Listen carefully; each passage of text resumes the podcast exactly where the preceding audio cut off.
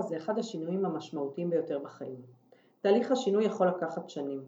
זה מתחיל בדרך כלל כשמתחילים להרגיש מתוסכלים במקום העבודה, שכבר אין חשק לקום בבוקר והשגרה משעממת ואין, לה, ואין לאן להתפתח. הרבה פעמים זה מתלווה לבעיות שמתמודדים איתם כמו קושי עם הבוס או משבר בעסק, שיוצרים דחק נוסף. למרות המצוקה שללא ספק משפיעה על הרווחה האישית שלנו, זה ממש לא פשוט לקום ולעזוב. בדרך כלל גם לא ברור מה השינוי שאנחנו מייחלים לו. איך בוחרים? מה הדבר הבא? איך מנהלים נכון את התהליך? על כל אלו ועוד נדבר היום. ברוכים הבאים לפרק 24 של ליברה, הפודקאסט שעוסק באיזון בין קריירה מצליחה לרווחה אישית. אני שרית אמיתי ואני מאמנת עסקית. אני מלווה בעלי עסקים ומנהלים בכירים בתהליכי צמיחה והתפתחות אישית. אני מאמינה שהצלחה מקצועית ועסקית חייבת ללכת יחד עם הקפדה על הרווחה האישית, אחרת להצלחה יכולים להיות מחירים מאוד כבדים. אני מזמינה לפודקאסט אנשים מצליחים מבחינה מקצועית, עסקית ואישית לשיחה כנה ואמיתית על עצמם. יש לפודקאסט שלוש מטרות. אחת זה שכולנו נכיר בעובדה שאיזון בין קריירה מצליחה לרווחה אישית הוא בהחלט נושא מאתגר ושכולנו מתמודדים איתו. המטרה השנייה היא לקבל השראה וללמוד מהמרואיינים איך אפשר לעשות את זה טוב יותר. השלישית היא פשוט להעביר לכם את הזמן בנעימים בזמן שאתם עושים פעילות גופנית, מבשלים, מנקים או סתם נחים. מוזיקה ומתחילים.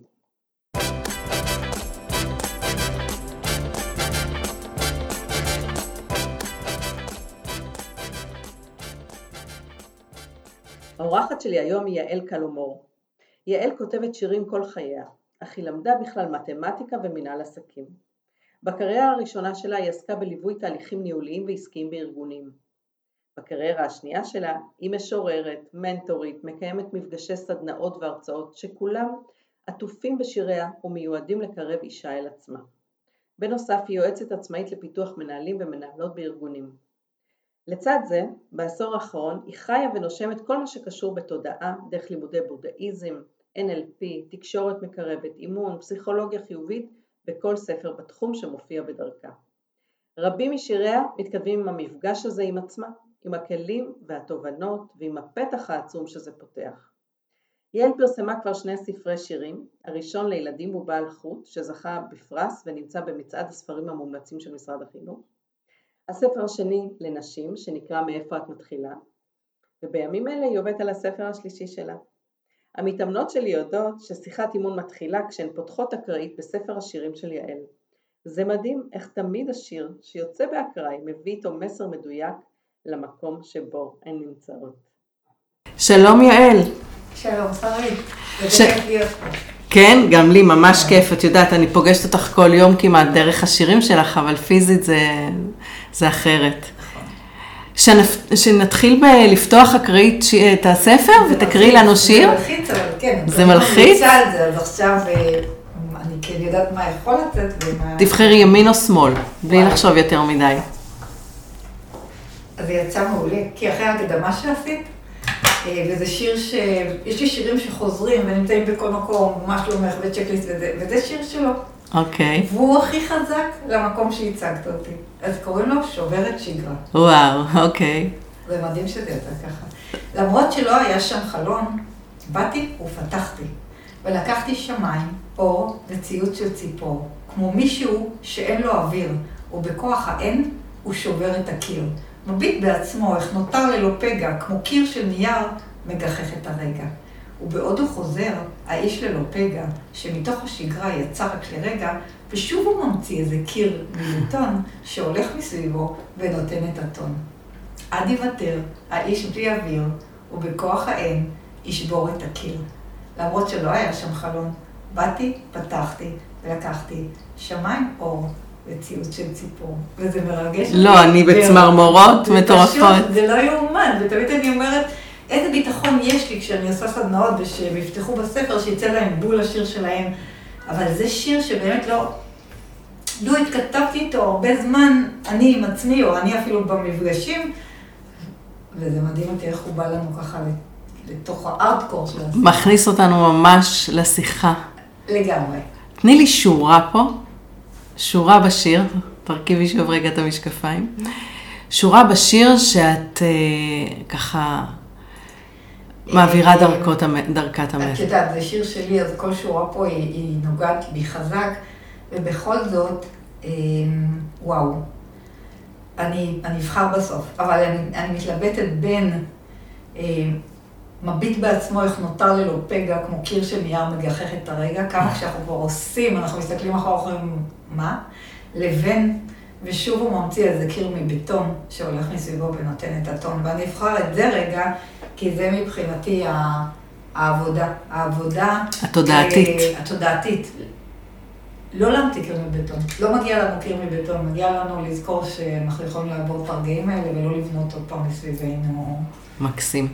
אז באמת, את יודעת, אנחנו ב, כמאמנת, אני משתמשת המון בביטוי קיר, שזה קיר תודעתי, אוקיי? אין באמת קיר בטון, זה הכל קירות וירטואליים בתודעה שלנו. ומה שאני אוהבת להגיד זה שכן, אנחנו נתקלים כל הזמן בקירות, כי זה, זה החיים, כי ככה אנחנו מתפתחים. הבשורה הטובה, שכל הקירות הם וירטואליים. אה, והבשורה הפחות טובה אולי, זה שמאחורי קיר יש עוד קיר.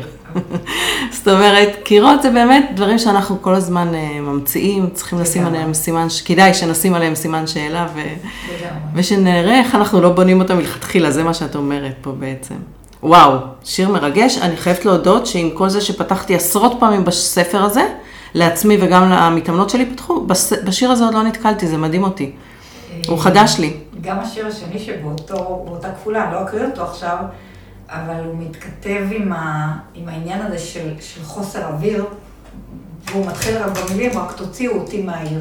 ויהיו לי יותר עננים, ויהיו לי יותר שמיים, ואראה יותר ים רץ לצידו של הכביש, רק תוציאו אותי מהעיר. ויש משהו בי, כנראה, שהייתי מאוד ממוסגרת, מאוד, הילדה הכי ממוסגרת שאת יכולה לדמיין, הנערה הכי ממוסגרת, האישה הכי ממוסגרת. אמ, הם לא רואים אותי, אבל אני בת 12, אה, שכנראה, מ-day one, היה שם איזה, איזה חופש ורצון לחופש ש... שלא התכתבתי איתו בכלום, שלא דיברתי איתו, שלא, בכלל לא היה... והיום כשפתחתי את הפתחים,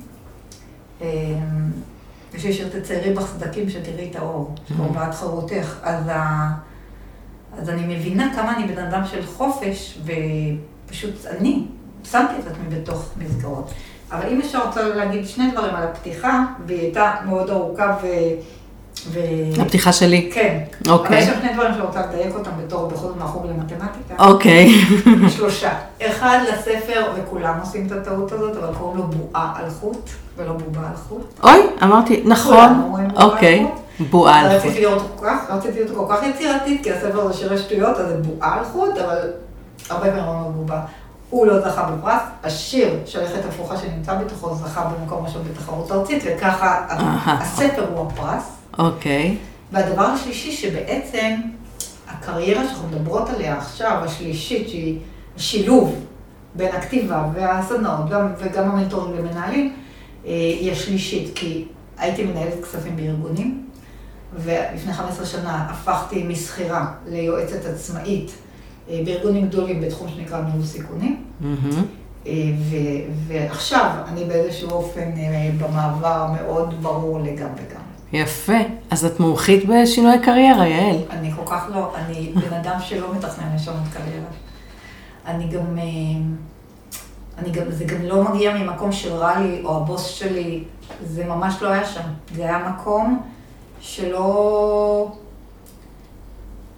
הפעם הראשונה ששיניתי קריירה, זאת אומרת שזה היה כשעבדתי בסלקום, והייתי מנהל כספים של עשרות אנשים, משרה מאוד נחשקת, ופשוט יום אחד קמתי ואמרתי, פעם ראשונה בחיים שלי, אה, עצרו את הרכבת, אני יורדת. וזה היה, אני מייחסת את הכל לתהליכי התפתחות וצמיחה. זו מילה כזאת שיש גם חלק בטח שזה נשמע קלישאתי, אבל ככל שאני התחלתי לדבר עם עצמי, אה, או להסכים להתקרב אל עצמי, או להסכים לשאול אותי מה שלומי, ואם תרשי לי באיזשהו שלב אני חייבת להקריא את השיר הזה. אה, רק אז הכל נפתח.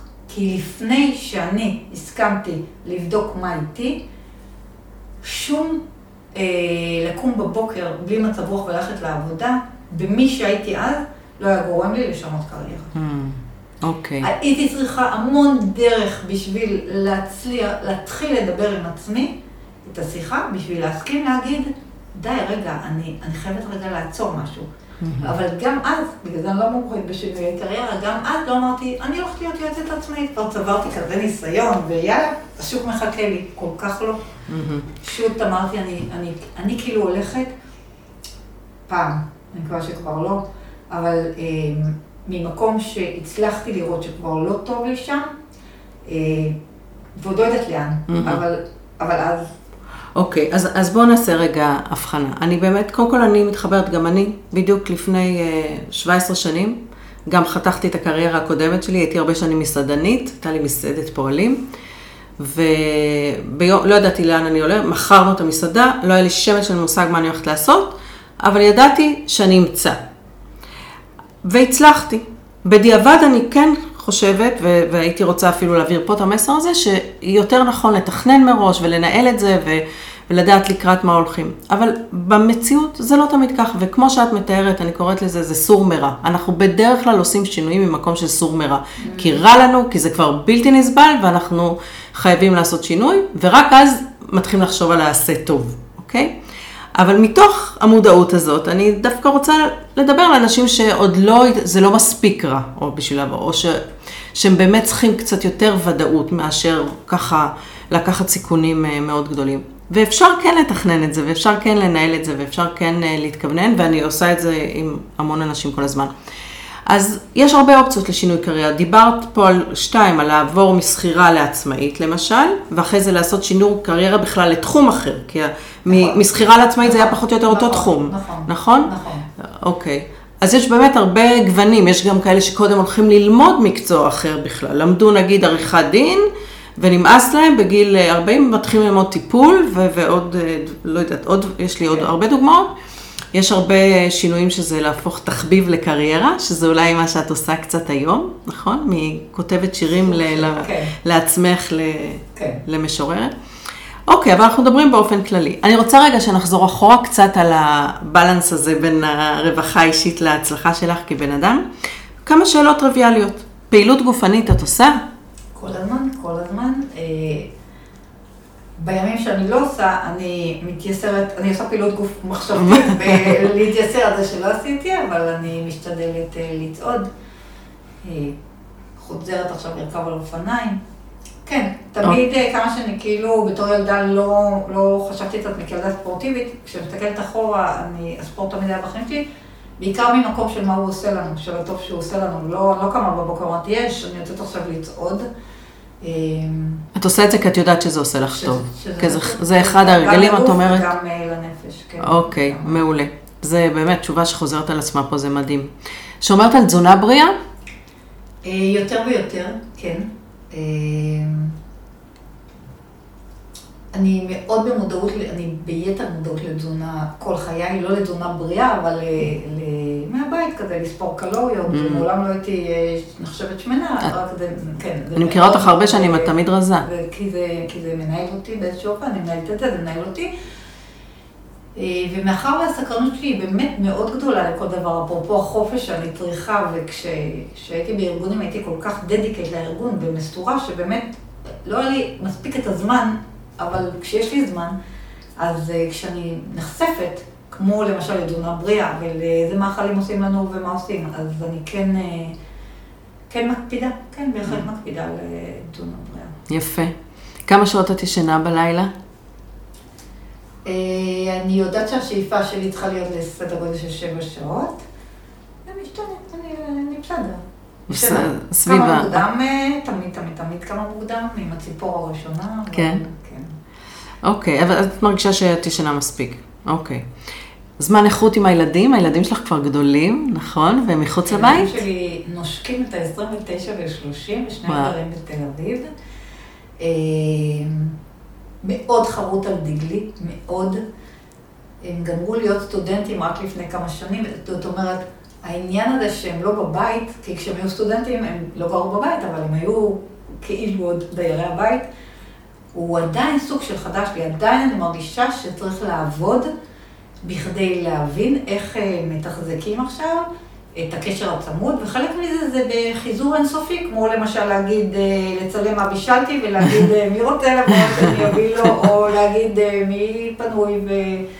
וגם אם אני עייפה, להגיד בואו ניפגש, וגם לבוא אליהם, לתל אביב. כן, אני.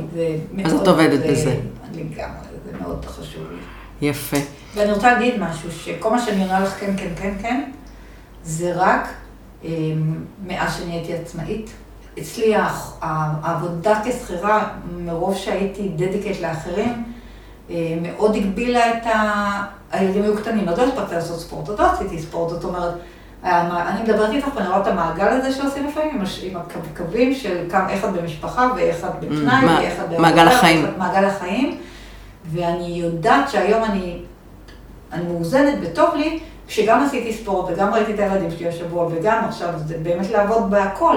אבל אה, אז, אז פשוט אם שומעות אותנו נשים צעירות יותר, עם קריירה, עם קריירה ועם ילדים ועם, אז אה, החוכמה היא לפחות אה, כמה שיותר, אני רואה, הבת שלי עובדת עכשיו מאוד קשה, אבל היא לא מוותרת על האימון ועל התזונה הבריאה, אז אני כן חושבת שבמודעות, אז אפשר לעשות את זה גם בגיל הרבה יותר צעיר, רק שבאמת, יש, יש תקופות בחיים שאנחנו פחות יכולות להצליח הכל, אנחנו צריכות לבחור במה כן. יותר להתמקד. אני מדברת כבר ממקום שכשיש לך את הזמן, ויש לך את המודעות, אז את באמת יכולה אה, לרווח את עצמך. אוקיי, אז באמת, אז הרבה אנשים יגידו, טוב, היא עצמאית, ומי שעצמאית יכולה להרשות לעצמה כי היא אדון לעצמה. אה, בתור מישהי שמלווה עשרות עצמאים, רוב העצמאים אה, הופכים להיות משועבד, משועבדים לעסק שלהם, וזה הופך להיות אפילו יותר גרוע מאשר המחויבות. אה, אז זה באמת עניין, אם את שואלת אותי, של הרגלים והרבה מודלינג שראינו בבית. או באמת משהו שבמשך השנים, איך את אומרת, עבדנו בו כדי שזה ייווצר. בכל מקרה זה לא ברור מאליו. אבל ש- זה בעיקר עבדנו בו, אני חושבת. אני כן. אני באתי מהרגלים אחרים, ואני גם... את יודעת, שמעתי איזה פודקאסט שלך, והכי נבהלתי שכששאלת שם בסוף, אם יש לך פתאום שעה פנויה, מה את עושה? ואמרתי, נגיע גם לזה. עושה המון דברים, ככה אמרתי לעצמי, אין לי כזה דבר שעה פנויה, כי העסק שלי היום הוא בבית שלי, ולא, וגם אם אני עושה משהו שאני מאוד מאוד אוהבת, עדיין, אם יש שעה, אז אוקיי, בואו נרוז כמה ספרים, ובואו נתכנן את הסדנה הבאה, ובואו, זאת אומרת, אני, אבל אני, המילה משועבדת, מאחר ו... תכף ניכנס לזה יותר, אבל באמת אני במעבר ללעשות כמעט רק דברים שאני אוהבת גם לפרנסתי, אז אה, זה משתנה לי. אבל עד לפני הקורונה, עוד קמתי בבוקר והלכתי אה, מהבוקר עד אה, אחרי הצהריים לארגונים גדולים, כעצמאית, וזו הייתה עצמאות אחרת, ולא היה מצב שאנחנו מדברות עליו עכשיו. נכון, אוקיי. אז באמת אני רוצה לשאול אותך, יש, אה, את היום כותבת, ומעניין אותי בהקשר הזה לשאול אם כתיבה זה עבודה או well-being? לאיזה סקשן זה שייך? אולי גם וגם. כתיבה היה שייך לזה שבכלל, ההתחלה שלי, שאנחנו מדברות פה על מנהלת כספים ועל משוררת, אני אומרת, אומרים שילד צריך מבוגר אחד שיאמין בו. אז לי היה את האימא, זיכרונה לברכה, משוררת, מה שקל לו, שמחא לי כפיים על כל חרוש שחרזתי וגם העניקה אותי שירה. והיה לי אבא, אה, מתמטיקאי, פיזיקאי, מהנדס, וואו. שב-95, חמש יחידות במתמטיקה, אמר לי, יעלי, אבל למה לא מאה? אז היה לי שני מבוגרים שהאמינו בי, אבל כל אחד במשהו אחר, ומזה התחיל כל הבלאגן, ובאמת הכתיבה הייתה משהו שתמיד היה שם, לא ידעתי להגיד שהיא well-being או לא well-being, אבל ידעתי שכל פעם שיש זמן, אני שם, אני כותבת איזשהו שיר, וגם בחוג למתמטיקה באוניברסיטת תל אביב, כששיאמם לי ושיאמם לי, אמ, לא כי ידעתי, אלא כי זה לא היה התשוקה שלי, רק לא ידעתי להגיד את המילים האלה. אז כן, כתבתי שירים, ובעיקר לילדים, כי אימא שלי הייתה משוררת לילדים, וזה מה ש... ולאט לאט כתבתי גם אה, שירי נפש, רק, זה תמיד היה רק שיהיה זמן, ואם אין זמן, לא היה לזה שום מקום בחיים שלי. Mm, אמ, אבל זה היה שם, ואני כשאני אומרת, כשאנחנו מדברים על שינויי קריירה או על well-being, אני אומרת, יום בדיעבד שהתשוקות שלנו, לא משנה אם אנחנו אוהבות לשזור פרחים, או לדהור על סוסים, או בכלל לא משהו שמתכתב עם פרנסה, מי חשב שאני אגיע למצב שתהיה לי קריירה כנראה מעולם הכתיבה שלי, שזה יהיה שם כל הזמן, לא לתת לזה. עכשיו, אצלי כמה שהייתי הכי חזק לא בזה, לא ויתרתי על זה, זה כל הזמן נצבט שם, כל הברכות לימי הולדת, כל ה... אה, זה היה שם. אוקיי, אז בעצם את מעבירה פה מסר חשוב, שאם יש, אם היה לנו איזשהו תחביב ב- בילדות, שאהבנו, אם זה לרקוד, או לא יודעת, קרמיקה, או לכתוב שירים, או ספורט משהו, ללכת לתחזק את זה על, באיזה, על להבה קטנה במשך כל השנים, לא לזנוח את זה, כי לכי תדעי מה יקרה עם זה. אני שכבר הייתי עצמאית ועסקתי, אה, עדיין אני עוסקת, אבל עסקתי אה, הרבה בתחום שנקרא ניהול סיכונים, זה מתכתב עם כספים, אבל זה משהו אחר. זה תחום פחות מתגמל ברמה אה, של ה-well-being. תגידי מילה מה זה התחום הזה של ניהול סיכונים סיכונים. זה ארגונים גדולים היום בארץ, גופים פיננסיים בעיקר, אבל גם חברות גדולות, אה, אמורים להכניס ממש בן אדם שהוא מנהל הסיכונים של החברה, והוא אמור כל הזמן לתת כלים למנהלים בחברה, להנהלה, לבדוק מה עלול לקרות שיפגע להם Mm. ביעדים, במוניטין, ב- בכל דבר, וזה מכל תחומי החיים, הארגון, זה פיננסי וזה תפעולי, זה הכל. אני מכירה את זה מבתי חולים למשל. בתי חולים גם. זה, אוקיי. זה נמצא היום בהמון מקומות, רק זה רגולטורי. ואני לא אוהבת להשתמש בזה, אבל המון אומרים שאצלנו, בארץ בטח, אה, לא בא לנו עכשיו להיכנס למסגרות האלה ולעבוד כמו האמריקאי מסודר ולהגיד, אוקיי, אם, בוא נבדוק מה עלול לקרות לי, ו... אז צריכים את זה. ולכן הייתי שם, ואין הרבה יועצים בארץ, וגם... רק שזה לא, זה לא תחום ש... התשוקה שלי, ש, שעם זה, עם השמחה לזה אני קמה בבוקר, וגם לא תחום ש, שמתגמל אותך בהקשר של וואו, איזה פרויקט מדהים, כי, כי הוא פחות... ושם רק כששלחתי את השיר שלי לתחרות שיר ילדים, וזכיתי בו לפני שמונה, תשע שנים, ואני עצמאית 15 שנה, רק אז הרשיתי לזה להתחיל להיכנס לחיים שלי יותר חזק. וכל מה שזה אומר, זה לא, זה המשכתי לעבוד מהבוקר עד הערב בניהול סיכונים. אבל נרשמתי לסדנת כתיבה. Mm. ואני כותבת, זה היה כבר אחרי שזכיתי בפרס, ואחרי שכתבתי, אבל אמרתי לו, אני רוצה שיהיה משהו שיכריח אותי לכתוב, מסגרת. מסגרת. והייתי הולכת בעולם עצמאית, ואומרת, וואי, הלוואי והיה לי יום שלם שהייתי רק כותבת, כי משהו לא נתן לי, אבל... אז אני אומרת, גם אם מישהו אוהב לכתוב, או לא בשביל כלום, לא להגיד אני הולך עכשיו לעזוב את הכזה, נורא מפחיד, אבל להירשם לסדנות כתיבה. אם מישהו אוהב אה, לעשות קרמיקה, אז להירשם לקרמיקה, כי... כי אם זה שם כל הזמן, אנחנו, א', זה עושה בלנס, זה ה-well-being, אוקיי? גם אם אני לא עסקתי בזה וזה לא היה... ברגע שהכנסתי את זה, אז את מרגישה שאת כבר...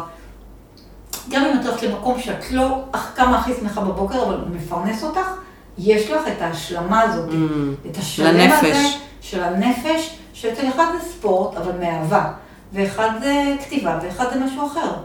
עכשיו, אצלי קרה פלא שהוא כנראה לא אישי שלי, שהוא פלא ש, שיכול לקרות, שבאמת אה, יש לי שיר תעשי משהו שינצח אותך, וכנראה שאני כל פעם קפצתי איזה בנג'י קטן. גם כשיצאתי ונהייתי עצמאית זה היה בנג'י, וגם כששלחתי את השיר לתחרות, זה לא, זה היה תוך כדי דברים אחרים.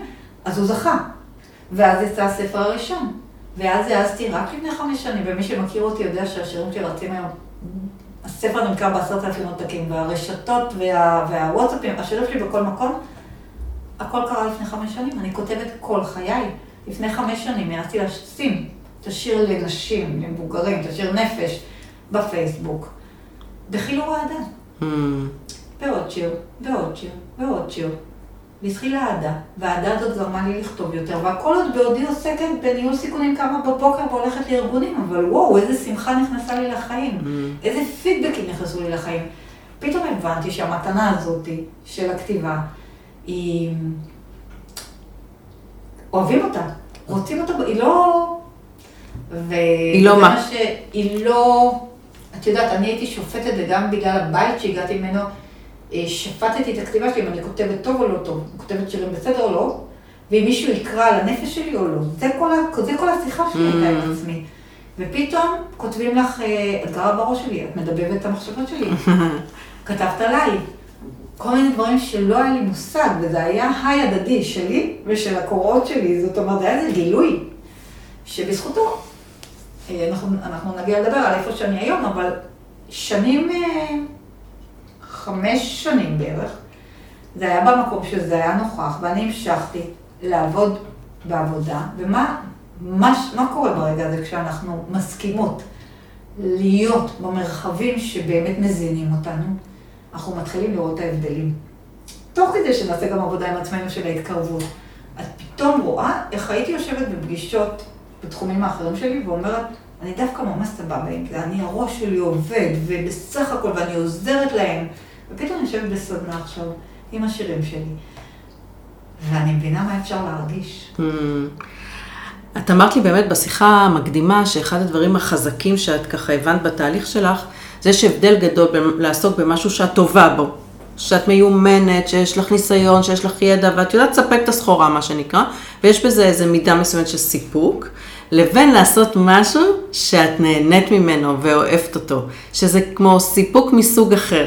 נכון? אנחנו, נכון שאנחנו שומעות את זה הרבה, זה, זה משהו ידוע, שאם אנחנו עובדים במקום שזו התשוקה שלנו, אז זה אפילו לא נקרא עבודה. עד שאנחנו לא מוצאים את ה... ואנחנו גם יכולים לספר לעצמנו, דרך אגב. את יודעת שאני, חודשים שלמים שכבר הכתיבה הייתה סופר נוכחת, והאהדה בפייסבוק הייתה מדהימה, הייתי מנתקת את עצמי, כי אני כותבת בבוקר הרבה, והייתי מנתקת את עצמי בכוח מהכתיבה, כי הכי בא לי להישאר עם הכתיבה ועם הספר ועם הכל. והולכת לפגישות בניהול סיכונים. והייתי יושבת שם בתוך חצי שעה, בתוך פגישה הייתי אומרת לעצמי, את חייבת את זה לעצמך, כי תראי איזה יופי לך פה, הראש שלך עובד, את מוכרחה את הבלנס הזה, אנחנו אלופים בלספר לעצמנו סיפורים. ואז הגיעה הקורונה, והפחיתה לי משמעותית, כי יצאתי וזו הייתה פרנסה שלי, ו- ולא, היה לי קשה אפילו לעשות את החצי-חצי.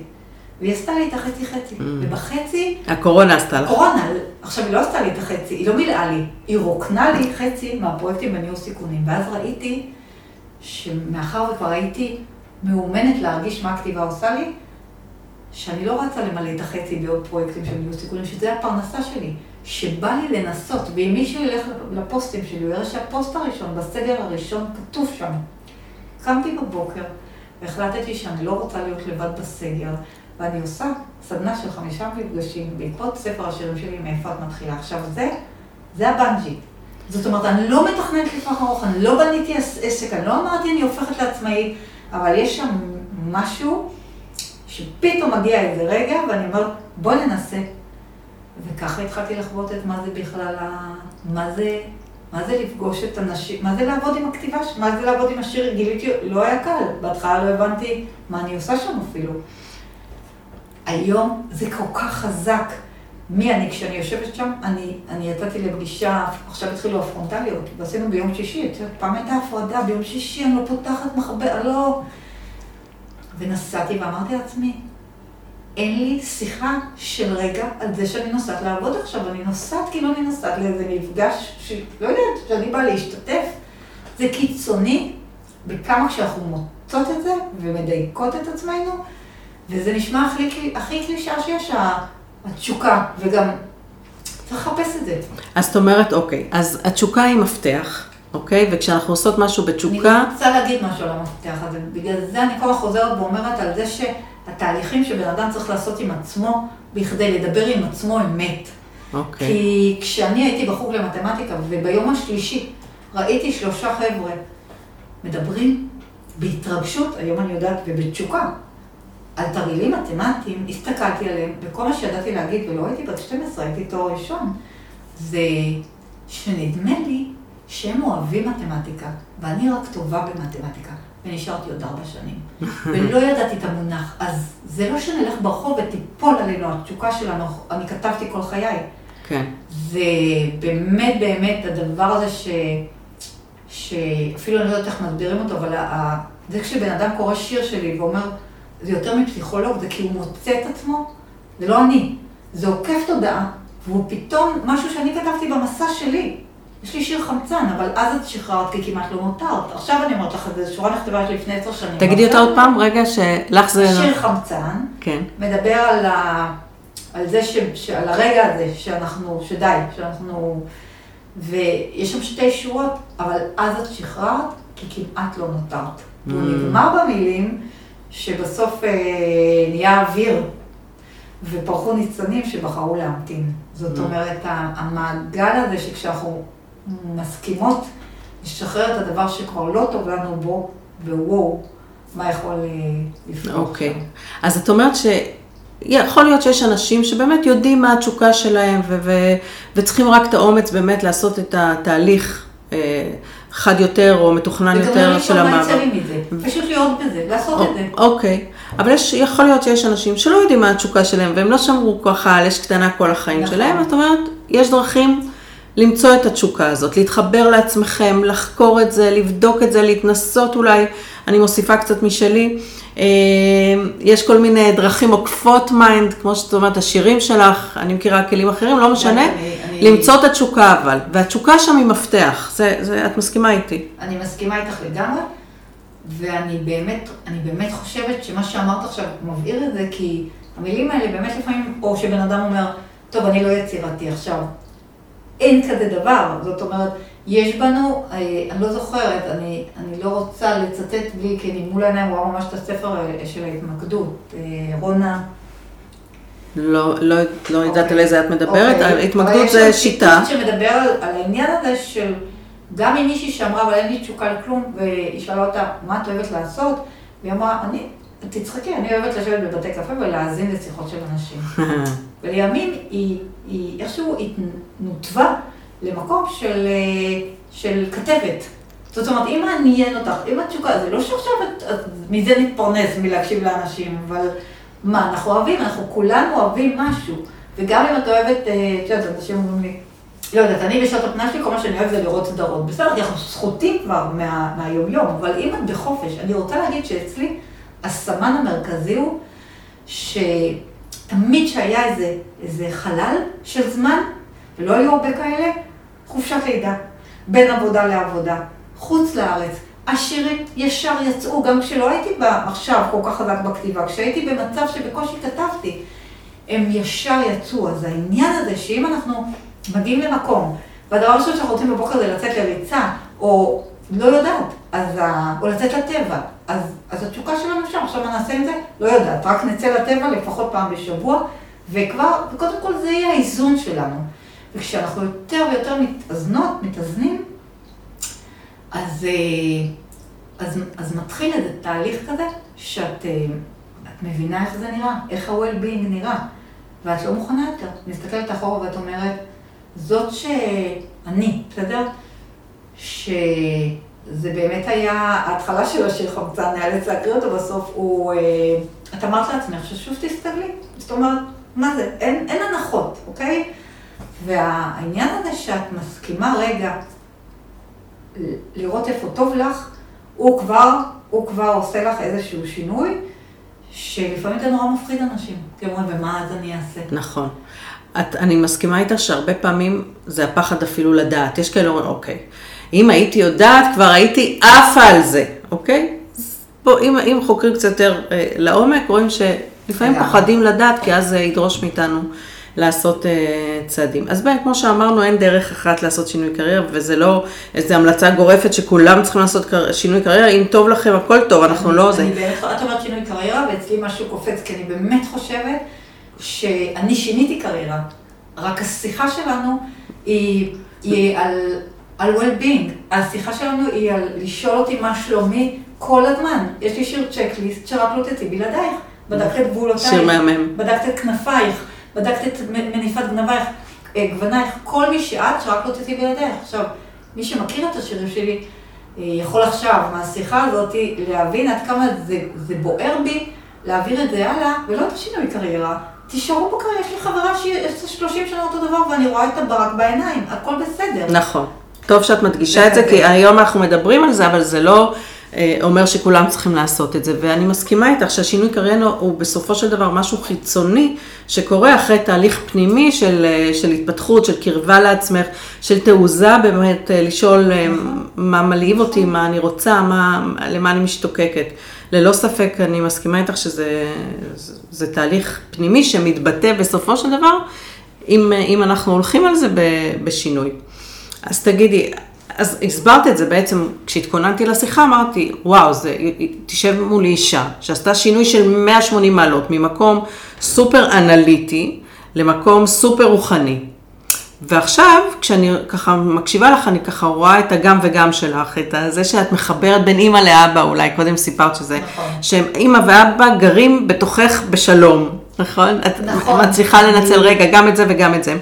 ואני רוצה לשאול אותך, האם, מה את יכולה, רק את יודעת, אולי לא חשבת על זה, אבל ללמד אותנו בתחום של ניהול סיכונים בנושא הזה של שינוי קריירה. מה... וואו. עכשיו קפץ לי לאתגר אותך. איזה יצירתיות. אמ, כמו שאת אומרת, אני חושבת שאמרתי את זה כבר, אני חושבת שאף אחד ואחת מאיתנו, והייתי שם, אז אי אפשר לחשוד בי שאני מתעלמת מפרנסה או מכל מה שקיים בדרך, אבל אף אחד מאיתנו לא צריך לאורך זמן לקום בבוקר וללכת למשהו שלא טוב לו. פשוט ככה, זאת אומרת, זה הניהול סיכונים. הניהול סיכונים הוא, ואני רוצה להגיד משהו. אחרי שעברתי את, זה אפילו לא 180 מעלות, אני חושבת שזה 180 שהוא, אני לא יודעת מה חוג למתמטיקה, אם הוא יחזור ל-360 או לא, אני רק רוצה להגיד שהיום מצאתי את מה אני כן אוהבת בחלק הזה של להיות יועצת בארגונים. Mm. ומצאתי שבעצם בפרויקטים של ניהול סיכונים עבדתי הרבה מאוד עם המנהלים עצמם. והייעוץ או המנטורינג למנהלים ועובדים אה, היה חלק, אומרת, היכולת הזאת היא כמו היום הסדנאות, זאת אומרת, להעביר הלאה את מה שאני כבר יודעת, ו- וכאילו לקצר למישהו את הדרך, למרות שאנחנו יודעים שזה לא קיים, זה הדבר החזק שלי. בכלל לא המשוררת, זה ה... בתוך השירים שלי זה כמו עכשיו, אסור להגיד קפסולות, כמוסות קטנות של התובנות שאני רכשתי בדרך, ובגלל זה זה עובר הלאה, ומישהו אומר, וואו, זה כזה, באמת זה כזה. ולכן אני חושבת שזה ה... זה העניין. העניין הוא באמת, באמת לנהל את, את, ה, את ה-well-being שלנו, את זה שאם לא טוב לנו, זה בסדר לעבור ל... לא בהכרח לתחום אחר, לא בהכרח לשנות קריירה, רק באמת להתנהג אלינו כמו שהיינו מתנהגים לילדים שלנו. כנראה, אני מקווה שאני יודעת שאם הבת שלי אה, הייתה אומרת, לא טוב לי איפה שאני, אז הייתי חושבת איתה, איך יצאת משם? מי שהייתי לפני 20 שנה, אותה אימא שאוהבת את הילדים שלה בכל ליבה, יש סיכוי שהייתי אומרת, תנסו, אבל תנסו, אבל בואו, קחו עוד זמן וקחו, ולמה, למה לוותר? זאת אומרת, כשאנחנו משתנים, אנחנו, זה לא רק הקריירה משתנה, זה כן, גם האימהות משתנה, זה גם הזוגיות, הכל משתנה. אז אני רוצה לקחת משפט ששמעתי, שקראתי באיזה ספר, שאת לא תאמיני, שכתב אותו טראמפ ביחד עם קיוסקי. ואני זוכרת משפט מכל ספר בדרך כלל. אוקיי. פעם רציתי לזכור את כל הספרים שאני קוראת בעל פה, לא, לא יכול להיות דבר, אז אני אומרת משפט מכל ספר. אז אה, משם אני לקחתי את הדבר הכי מסוכן בחיים, זה לא לקחת סיכונים. אוקיי. אז זה בעצם, את אומרת... אני רוצה להגיד זה עוד משפט רק על ה... כי לא השלמתי את העניין של המנטורינג. גיליתי שהיום יש לי, היום אני בודקת, היום, בכל הדברים שלמדתי במקום השירים שאני כותבת, יש את הנושא של להקשיב לגוף. שזה פרמטר מדהים אם טוב לנו, ולא, או לא טוב לנו. וואנס למדתי את הכלי הזה, אני גם יודעת להגיד לך היום, שכשאני יושבת אה, בסדנה או בהרצאה על עולמות הכתיבה שלי, או כשאני יושבת במנטורינג עסקי, בארגון, באותו תחום כספים או ניהול סיכונים, עם מנהל או מנהלת, הגוף שלי הוא באותה אה, תחושה של איזה יופי, של הנה המקום שלי. זאת אומרת, כן, כשאנחנו מוצאים את עצמנו, גם במקום הזה שקודם אמרנו, בקריירה הזאת, שאמרנו, את זה לא, זה לא שחור ולבן. כי, כי מה שם כן יכול להתקדם עם התשוקה שלנו, ולא חייבים עכשיו ללכת לזור פרחים. כן. אפשר אולי לגנן בתוך המקום שלנו. זה לא הכל או לא כלום, את אומרת. יכול להיות שאנחנו יכולות לעשות איזשהו דיוק בתוך הקריירה הנוכחית. ש... ויש לי מלא סיפורים כאלה, כן. ממש מה... לאחרונה מישהי שעובדת בתור עובדת סוציאלית באיזשהו מקום כבר הרבה זמן, ועכשיו הולכת באמת אה, אה, לבנות את ה... אה, להתמחות באיזשהו תחום ולבנות את הקליניקה שלה. וזה תהליך, וזה, אבל זה, זה עדיין בתחום המקצועי שלה, זאת אומרת, אנחנו לא חייבים לעשות מהפכות, זה מה שאת אומרת. נכון. ו, ו, ואני מסכימה איתך שהגוף אה, נותן לנו אינדיקציות, אם טוב לנו או אם רע לנו, וצריך להקשיב אה, לגוף גם בתחום הזה של ה... כי אנחנו הרבה שעות, רובנו, הרבה שעות עובדים, נכון? Okay. כן. העבודה תופסת הרבה שעות, תחשבו נכון. שאם אנחנו כל כך הרבה שעות וימים ושנים שורפים על מקום שהגוף שלנו שם סובל, אז זה סיכון, לא זה סיכון ל... מאוד גדול, כן, אפרופו ניהול סיכוני, זה לא... סיכון מאוד גדול, בריאותי, נפשי, רגשי, נכון, הכל. אני אומרת, אני אומרת גם לא רק פיזי, אני אומרת, הגוף הוא סמן לבדוק אם טוב לנו או לא טוב לנו. כי הרווחה שאת מרגישה, או המתח שאת מרגישה כשאת יושבת בתוך עשייה כלשהי, הוא סמן להימצ'אמים מהלב, הוא הימצ'אם כי צריך, כי חשוב, כי נראה שאת חייבת להיות שם.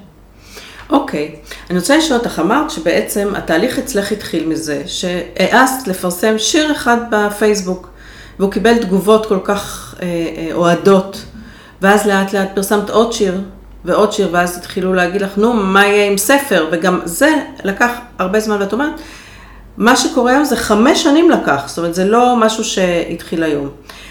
אבל ספרי לי שנייה אם את יכולה על הרגע הזה, לפני שפרסמת השיר הראשון.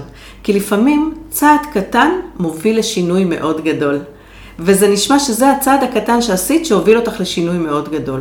ואם אני זוכרת נכון, נפגשנו לפני כמה שנים טובות באיזושהי הרצאה שעשיתי יחד עם אחותך, עם ענת קלו לברון, שהייתה בפרק הקודם, ואני זוכרת שדיברת על שאת לא אוהבת את הפרסום, את בן אדם צנוע, את לא אוהבת ככה את כל הקטע של, של הפייסבוק, נכון? אני זוכרת נכון? נכון.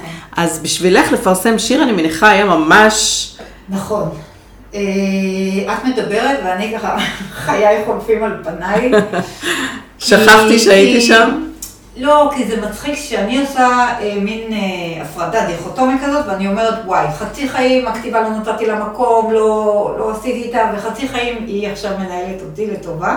מסתכלת אחורה, ואף פעם לא ויתרתי. בבית ספר עממי הייתי העורכת של העיתון שלה, והייתי תמיד, mm. מאוד ביישנית ומאוד נחבאת על הכלים, ואיכשהו, אני זוכרת את זה. והייתי שולחת אה, שירים לעיתון פילון, והם פורסמו, וכל הזמן, ובסוף הטירונות וקורצינות כתבתי שירים, ו... והכל ממקום מאוד מאוד מצטנע מדי, לא מצטנע כ... כיתרון. ולכן, עוד לפני שירים פורסמו, רק מה שהשתנה היה אה, הישירות של הכתיבה, או, או מה שהייתי מוכנה לחשוף. זאת אומרת, mm. לפני זה, כבר פה ושם, זה היה כל כך חזק בי של הלקוחות שלי בניהול סיכונים, הם היו יודעים שבפסח וראש השנה מקבלים ברכה בחרוזים. תמיד היו אומרים, זה הברכה שאנחנו הכי מחכים לה, וגם אני מאוד אהבתי לעשות את זה. אז הייתי יכולה לשים שיר בפייסבוק לאט לאט על יום כיפור, אבל לא ממקום הישיר שכמו שאני היום כותבת על, על הנפש. את השיר הראשון, אם כבר הזכרת את אחותי, אה, כתבתי, קוראים לו כביסה, השיר הראשון ששמתי בפייסבוק, ו... והוא מתחיל במילים, לכי אל הים, הוא יכבס מחשבותייך. אבל כנראה שכתבתי אותו משהו כמו בים, מחפשים את המחשבות, משהו יותר רחוק ממני. וישבנו ביחד, ואני חושבת שדיברנו על זה, ואז היא אמרה, תגידי, תהיי יותר ישירה. ואמרתי לה, מה פתאום? ואמרתי לה, אני אגיד לכי אל הים? מי שם אותי? מאז יש לי 300 שירים שאני רק אומרת לכי ואת, ו... וכששמתי את השיר הראשון היה לי מעט מאוד, אה, יחסית, עוקבים בפייס, לא הייתי בכלל אדם של, לא הייתי עושה לייק, לא הייתי עושה תגובה. זהו, זה מה שאני זוכרת ממך. אז היה שם אה, אהדה, ראיתי שאהבו את זה, אבל זה עוד היה כזה נחמד. ואז שמתי עוד שיר, קראו לו נהדרת. וכבר נהיה יותר, אמרתי, מה קורה פה? כולנו מרגישות שלא מספיק רואים אותנו, זה נגמר במילים כמה מראות אהבה עוד נשים לך, עד שאת תסכימי לראות את עצמך. וגם זה היה. ואז ב-2016, בין ראש השנה ליום כיפור, עכשיו את תזכרי את זה, תשליך. קמתי בבוקר, ועדיין הייתי באווירה, לא שכותבת כל הזמן, אלא שאוקיי, בוא. בוא נראה מה, מה, מה, מה אני יכולה לכתוב לראש השנה. ובאה לי המילה תשליך, ובאבחת עת, באבחת טלפון, כתבתי את השיר תשליך, תשליכי מעלייך כל מה שנלכד בך, כל מה שאוחז בגרונך. ושמתי אותו בפייסבוק, ואחרי, בתור אחת שלא מבינה כלום, אחרי עשר דקות הבנתי שקרה פה משהו.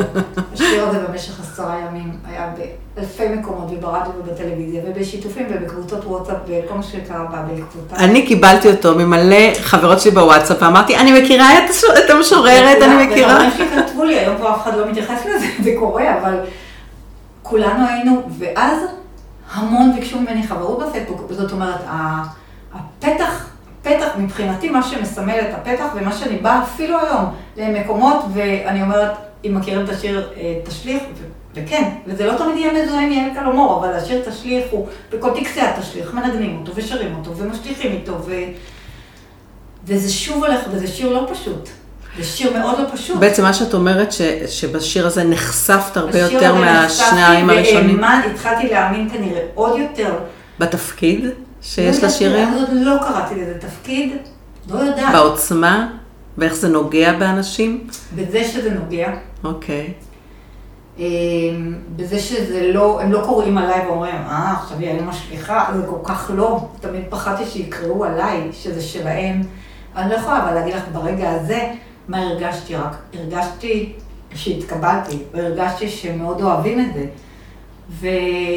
וזה המשיך משם, וגם היום, גם היום כשאני אעלה שיר לפייסבוק, אז יש את השירים שאני יודעת כבר שהם, שהם אוהבים אותם, אבל שיר חדש, זה אחרי מאות שירים, ואחרי שהספר נמכר בכל כך הרבה עותקים, עדיין יהיה לי שם איזשהו רעש קטן, איזשהו חוסר ביטחון. האם יאהבו את זה? אבל הכתיבה שזה המקום השתנתה. האנושי של אני- כולנו, כן, של כן, כולנו, כן, של כולנו. כן. אוקיי, מקסים. אז אה, אני רוצה לשאול אותך, אה, לא, כמובן שלא כולם כותבים שירים, אולי רובנו לא כותבים שירים, אבל אני חייבת להודות שאני בזכותך נחשפתי לדבר הזה שנקרא שירים, ובמסגרת הרגלי ה-well-being שלי, כפי שאת רואה, יש לי פה שני ספרי שירה, אחד שלך, אחד של נועם חורב, ואני בכל בוקר לפני שאני מדליקה, או בזמן שהמחשב שלי נדלק, זאת האמת, בזמן שהוא עולה, כן. אני בוחרת אה, אקראית שיר, פעם מפה, פעם מפה, וקוראת לעצמי, כן. בלי להסתכל על... ו... ואני רוצה לשאול אותך, ממה שאת ככה נפגשת כבר עם הרבה נשים והרבה פידבקים, מה זה, מה זה לקרוא שיר כחלק מהרגלי ה-well-being שלנו? למה זה כל כך מרגיש שנשמנו? כאילו, אני צריכה, לתר... אם אני צריכה לתרגם את זה, אז נשמתי רגע לפני שהתחלתי לעבוד. התחברתי לעצמי. אני לא, תגידי את, מה, מה את מבינה בזה? קודם כל אני אגיד שאני יודעת את זה רק בזכות, לא בזכות זה שכתבתי כל חיי, כתבתי כל חיי וזה בטוח היה התרפיה שלי. אגב, את קוראת שירים של מישהו? אני קוראת שירים, אבל אני קוראת רק בשנים האחרונות. אוקיי. כי מרוב שאצלי הבית היה מלא בספרי שירה שאמא שלי קנתה כל ספר שירה שיצא וגם קנתה לי, ככה ההתנגדות הייתה מאוד גדולה. ואני לא קראתי שירה, ובשנים האחרונות אני קונה כמעט רק ספרי תודעה ושירה. זהו, זה שני העולמות שלי שמצאתי אותי. אז כשאת קוראת שיר של מישהו אחר, מה זה עושה אז לך? אני רוצה להגיד, קודם כל, זה לא, אני חושבת שלי בפרט ולמשורר בכלל, פעם היה לי חבר שהוא היה גרפיקאי, וכשהיינו באים למסעדה, היינו כולנו מקבלים את התפריט ומתחילים להסתכל על המנות, הוא היה מתחיל להגיד אותיות קטנות מדי, אז זה אותו דבר. זה, כשאני לוקחת שירה, אז זה יכול להיות ב...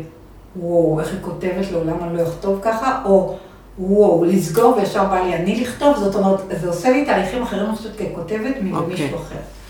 אני רוצה להגיד שמה ששירה עושה, אני גיליתי פעמיים. פעם אחת, יש את האקדמיה, יש שירת תרפיה, יש ביבליותרפיה שמדברים על היכולת של טקסט להיות ממש מרפא, כי הוא עוקף תודעה. כי אני יכולה לשבת מול הפסיכולוג שלי ולהיות עצובה אחרי מוות של, של הורה שלי, ויושב אותי מה שלומי, ואני אגיד הכל בסדר.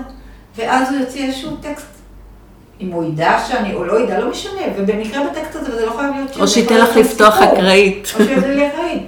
ויש שם משהו על אימא, או על אימא וילד, או על מוות, ופתאום סכר הדמעות ייפתח, ו- וזה מה שקורה בשירים. הם עוקפי תודעה, יש לי שיר שקוראים לו פיתיון. זאת אומרת, זה כמו פיתיון כזה, זה זורק.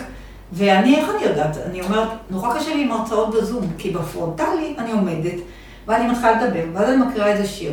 ותוך כמה דקות, מישהו, מישהי מנגבת דמעה. ואז אני אומרת, אוקיי, זהו, זה שם.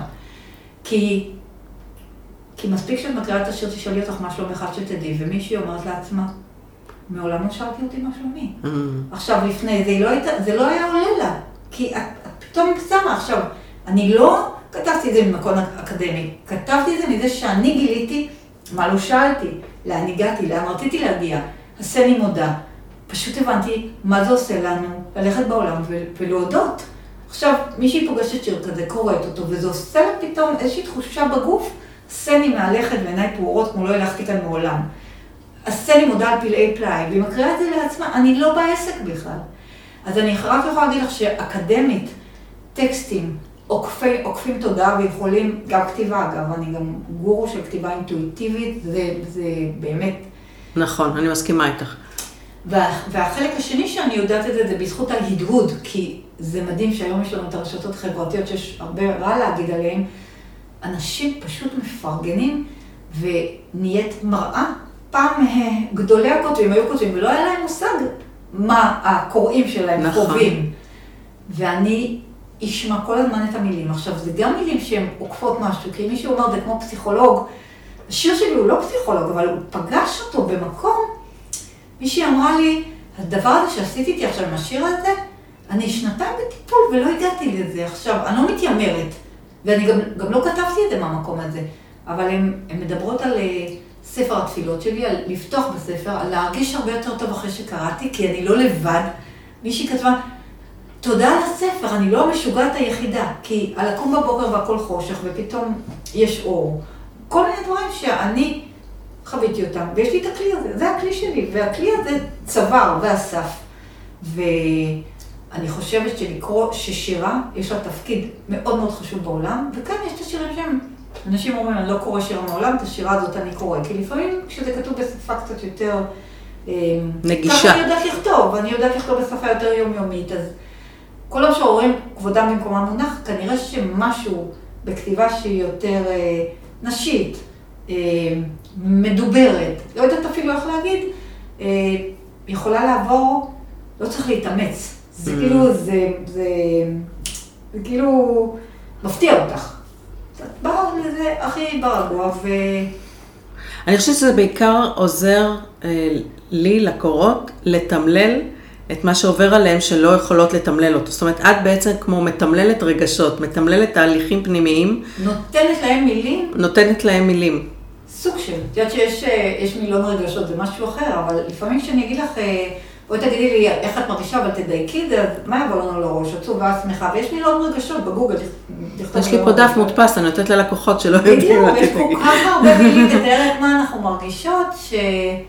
סיפרתי לך לפני שהתחלנו את השידור, שהיה לי איזה סדנה לחברות, וישבו חברות, ונתתי להם לעבוד עם השירים, ואם לפני זה הם, הם, הם יכלו להגיד אחת על השנייה המון דברים טובים, אז השירים נתנו להם השראה, ובאו להם פתאום משפטים ממקומות הרבה יותר עמוקים בנפש, שהם לא בהכרח המשפטים שלי כבר, שלי רק עזרו להרחיב את, ה, את היריעה. אז uh, אני באמת לא באתי ממקום שיודע את זה, רק שהיום אני יודעת חד משמעית ששירה באמת יכולה להיות שירה מרפאה, לא כל שירה, אבל שירה שאת מוצאת בה או נחמה, או עצה, או הזדהות, זה כנראה משהו לא, יש שיר הכי קרוב, שנגמר במילים, יש מקום שלא ייתן לך להעמיד פנים. כל מיני דברים שאת פתאום תופסת, או למי התחפשת היום. תבחרי אחד ותקריא.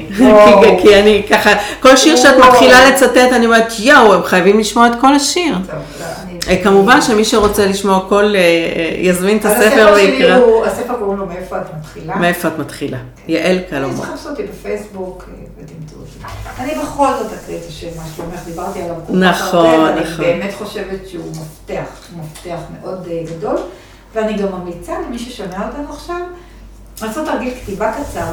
ואת ה, השאלות שאני מקריאה, בעצם אם אנחנו עונים לנו את התשובות, כבר אנחנו פותחות איזה וילון שלא בטוח. זאת אומרת, מספיק שיש שם שאלה, שאלה אחת, לא, לא יספיקו לכתוב את זה, אבל אם יש שם ש, שאלה, אה, שאם תשאלי אותך מה שלומך, יש שקט או יש מהומה, ואת רק כותבת את זה בראש הדף ומתחילה לענות. ופתאום את צריכה לבחור אם יש שקט או יש מהומה, וגם אם לפני שנייה חשבת שאת מה זה בסבבה, פתאום את מתחילה לכתוב ואת כותבת, מה זה מהומה? ויוצא משם עולמות שלמים, שדרך אגב מקלים עלינו, לא, לא מסבכים אז חשבתם שאתם באים אה, להקשיב לפודקאסט אה, תוך כדי שאתם עושים דברים ולא צריכים לחשוב על כלום, אז הנה קיבלתם על הדרך משימה, שלכו תדעו לאן זה ייקח אתכם. קדימה, יעל. מה שלומך? ואם תשאלי אותך, מה שלומך? מה תעני לך? ואם תבדקי מה נשמע, יש שקט או יש מהומה? ואיפה את עכשיו? בתוכך או בחוץ? ומה עוד נחוץ לך? מה עוד נחוץ? ואם תביטי בך, מה את רואה? ומי את בראשך? ומי את במראה? ואם תקשיבי לך מלאת אהבה, מה תשמעי כשתבוא לך תשובה? ואם לא תעני לך, איפה תחפשי אותך? ואם תמצאי, את מי תמצאי? תשאלי אותך מה שלומך, עד שתדעי. וואו, וואי, כולי צמרמורות. וזאת כל הצורה של קריירה, כן. ובדיקות, ו... בואו נדבר עם עצמנו, נהיה חומלים עם עצמנו.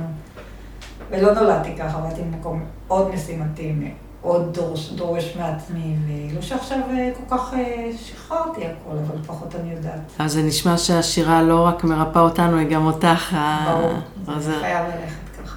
מקסים. טוב, הגענו לחלק האחרון של שאלות מהירות. זה עבר מהר. עבר מהר, אה? אז אפרופו השאלה שהעלית קודם, יש לך שעה פנויה, תדמייני אם אין לך תשובה. ספר, סרט או משהו אחר? כן, ספרים, תמיד ספרים. ספרים. ספרים. אה, גם כשאני הולכת לישון, ואני גמורה מעייפות, אני לוקחת איזה חמישה ספרים, אחד עיון, אחד שירה, אחד אה, זה, ואחרי דקה אה, הולכת לישון. אבל כן, ספרים אצלי זה כשנהיה שקט. כשאני נוסעת, גם היום כשיש את כל האפליקציות, אני נוסעת עם מזוודה, יש בה עשרה ספרים. עשרה? לי- וואו, שיהיה לי מה לבחור. כן. יפה. חופשה, בטן גב, לנוח או אקטיבית? אה, פעם היא הייתה חייבת להיות אקטיבית ממוקדם בבוקר, היום היא יכולה להיות גם הרבה מנוחה. גם מנוחה וגם... אה, גם וגם. לעשות, אבל גם וגם, כן. אוקיי. וכשאת רוצה לפנק את עצמך, איך את עושה את זה? אה, זה מדהים שאחרי כל השיחה על ה-well-being אני לא יודעת לענות, אבל זה מסאז', הולכת לים, נפגשת עם חברה. טבע, טבע טבע? מאוד, מאוד טבע. אני, זה לא כל כך בא לי ישר תשובה, כי זה לא שעכשיו יהיה לי, פנים, אני את עצמי ואסע לטבע, אבל אני כן אחת ל... אה, פעם היה שביל ישראל, ו- וטבע, טבע מאוד, אה, אני מאוד אוהבת אה, להיות בטבע. בים, לצעוד בים, על אופניים. מקסים. אוקיי. יש איזה מקום שאת חולמת להיות בו בעולם, שעוד לא היית? כי את באמת. עשית כל מיני טיולים מאוד מעניינים, לא הספקנו לגעת בזה. את יודעת, אני רוצה להגיד לך בכלל, שאת כאילו יש לה, התחלת את השיחה מזה שהיית מאוד מאוד ממוסגרת, שאת ילדה ביישנית ומסגרות ומסגרות. כשאני נזכרת בכל מיני אלמנטים שאני יודעת עלייך, ואנחנו לא חברות מאוד קרובות, את מה זה לא מסגרתית? אני נסעת לטיולים אני מגניבים. רק רוצה שתשימי לב, שבטח הטיולים המגניבים, שכאילו לא נסקרן את השומעים, אז אה, הודו וסרילנקה ונפאל וכאלה, הכל בעשור האחרון. זה לא ש... זה הכל בעש- בעשור האחרון, הטיולים האלה. אז כן, אני מניחה שאם נחפור אחורה, אז אה, באמת בן אדם הוא בן אדם והוא מורכב מכל הישויות שלו, רק למי שנתתי מקום, למי שנתתי חופש, אפרופו השיר הראשון שקראנו, אה, לא, קצת קלטתי את עצמי. אה, יש שירים גם על זה, ועכשיו יש לי שיר שנכתב רק לא מזמן, שקוראים לו מותרת, זאת אומרת, מותר לך.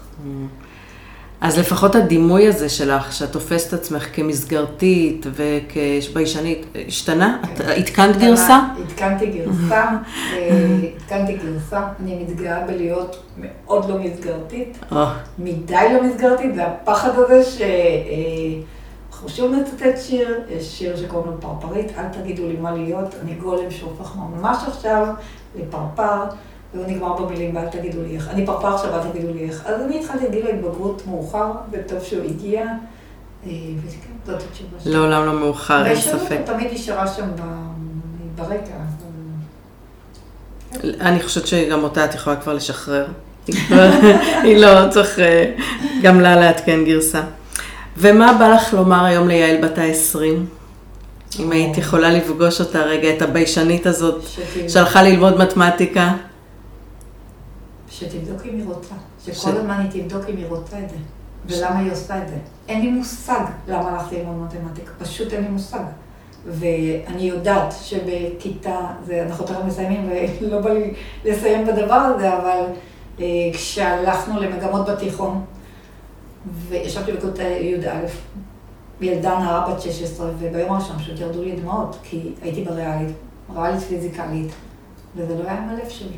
ולא היה לי שום שיחה עם עצמי להגיד, אז את לא, למה הדמעות? מה, אף אחד לא הכריח אותך, באמת אף אחד לא הכריח אותי, הכריח אותי כוחות אחרים שאנחנו מדהים. נענים להם. אז לילדה בת 20 רק, רק. תבדקי ששלומך בסדר. אבל את יודעת, אם הילדה בת ה-20 או ה-16 לא הייתה עושה את כל התהליך הזה, לא היו יוצאים כאלה שירים יפים כנראה. אנחנו צריכים לעבור לפעמים מסלול, אין לנו... אה, רק בדיעבד אנחנו מבינים שדרך הקושי צמ- אבל צמח גם, משהו. ובאמת, אה, תמיד הפחד הזה שעכשיו, אני חושבת שלבחורות בנות 20, או לי בת 20, אם הייתי במקום קצת פחות נוקשה עם עצמי, או קצת פחות לא מברר איתי, עדיין זה לא היה לוקח ממני את עצמי ואת, ואת השירה או את הכתיבה, ובאמת, באמת, כשאת שואלת אותי מה הייתי אומרת, הייתי אומרת, גם את, גם אני. זאת אומרת, בסדר מה שאבא שלי רוצה, מה שאמא שלי רוצה כנראה, מה שזה רוצה, מה שאלה יחשבו, אבל גם אני. זה הדבר היחידי שהייתי אומרת. ו... ולבדוק מה זה, מה, מה אני רוצה. מה אני רוצה? עכשיו, אני בטוחה שאם אם היית פוגשת אותי עכשיו בגיל 20 במתמטיקה, היה לי טיעונים למה אני... באמת אף אחד לא הכריח אותי, זה נשמע כאילו מישהו הכריח אותי. לא. אבל לא היה שם כנראה את הרשות לבחור. כן, אני חושבת שדורות שלמים, אה, השאלה מה את רוצה, מה מעניין אותך, הם לא היו בלקסיקון, של, אה, לא של ההורים ולא של אף אחד. כן. עשינו מה שנכון, מה שצריך, מה שכולם חושבים שנכון. אוקיי. אה, ועכשיו, מה החלום שלך? את אמרת שאת לא כזאת שמתכננת רחוק. החלום נכון. אני לא מתכננת, למרות שאני מגיעה למקום של תוכניות עסקיות וכדומה, אז אומרים לי, נו, עכשיו את מרימה את ה... עסק. למה, אני, לא נעים לי, כאילו, לא לא נעים לי, אבל זה לא, נרא, לא מתכתב לי להגיד עסק על הכתיבה שלי, אבל כן. אה, החלום ה... אני גם... אני חושבת שאני חולמת אפשרי, בגלל שיש לי גם את החלק הריאלי, אז אני לא... כשאני כבר חולמת את זה, אני יודעת שזה אפשרי לגמרי. אה, ואני רוצה שרוב, רוב ההתעסקות שלי תהיה באמת, א', להוציא את הספר הבא, הוא כבר, כבר יכול היה לצאת מזמן, השירים קיימים, זה רק איזו התנהלות שלי. הוא לא יכל. עוד ספר. הוא לא יכל. אוקיי. אז להוציא באמת את הספר הבא ולהוציא עוד ספרים, ואולי איזה יום לחזור לכתוב לילדים, כי נטשתי אותם לגמרי בזכות הכתיבה לנשים, ושאני אתפרנס מזה, שאני אוכל להמשיך להוציא ספרים ולתת את ה... מה שאני יודעת היום כבר להגיד, אה, עדיין בצנעה, את המתנה שלי לעולם, זה אם אני אצליח להתפרנס מזה, כי ברגע שאני עובדת במשהו אחר, זה חוטף אותי מזה. ואם היום כבר אני עושה סדנאות לנשים, ואני עושה הרצאות על הדרך שעשיתי, אה, ועשיתי מפגשי ילדים, זאת אומרת, אה, את יודעת, לפעמים את פוגשת עדיין מישהו על הדרך ואומר, עם כל הערכה והאהבה, טוב, אבל אי אפשר להתפרנס מכתיבה, וזה משפט כזה. שאם לא הייתי עוברת את הדרך שעברתי, הייתי יכולה מאוד להיבהל ממנו. בזכות, עכשיו אנחנו חוזרות כן למה שעשיתי כביכול מחוסר אהבה, בזכות המיומנויות שרכשתי מניהול כספים, דרך ניהול פרויקטים, דרך להקים דברים, אני יכולה לראות שלגמרי אני יכולה להתפרנס מעולם כתיבה שלי, מכל מיני דברים שאני אעשה, כולל מנטורים בארגונים, וגם אם מחר מישהו יבקש את הפרויקט הבא בניהול סיכונים. כנראה שאני כבר במקום כזה שלם עם עצמי, שבאיזה שהם תנאים שאני בסדר איתם, אז, אז אני אעשה גם את זה. אני גם היום עושה עדיין ייעוץ בתחום הזה. או שיום אחד תגידי גם לא, את לא יודעת. נכון. אוקיי, אז אני חושבת שמסר אחד מאוד חזק שעובר מהדברים שלך, שהרבה זמן עשית את הדברים במקביל. זאת אומרת, לא חייבים לזרוק לפח את העיסוק שמפרנס, שנותן יציבות, שאת טובה בו ורוצים אותך בו. ואפשר לבנות את זה במקביל. ולאט לאט, ככל שיש אחיזה יותר חזקה בחדש, ויש יותר הוכחות שזה מצליח, ושיש, שאפשר להתפרנס מזה, לאט לאט אפשר לשחרר את הישן, שנותן אולי את הביטחון הקיומי נכון. של הפרנסה. את מזכירה לי עוד משהו חשוב, אם יש לי דקה, שבעצם לאורך כל העשור האחרון שדיברנו על הלימודי תודעה שלי, גם כשהלכתי ללמוד NLP, וגם כשהלכתי ללמוד אימון, ידעתי שזה ייתן לי. הלכתי בעיקר בכדי, אה, ל... כאילו, בתחושה שלי, לקבל עוד מיומנויות כשאני מייעצת בארגונים למנהלים של הניהול סיכונים. זאת אומרת, לכו תלמדו את מה שאתם אוהבים, לא משנה איך תקראו לזה. תוך כדי. כן. זה בדיוק התוך כדי. מתוך כי... שלא לשמה בא לשמה, כן, אומרים. כי, כי באמת, אני חושבת שגם אם ממשיכים לעבוד במשהו שפחות עושה לנו את זה, אבל מטפחים.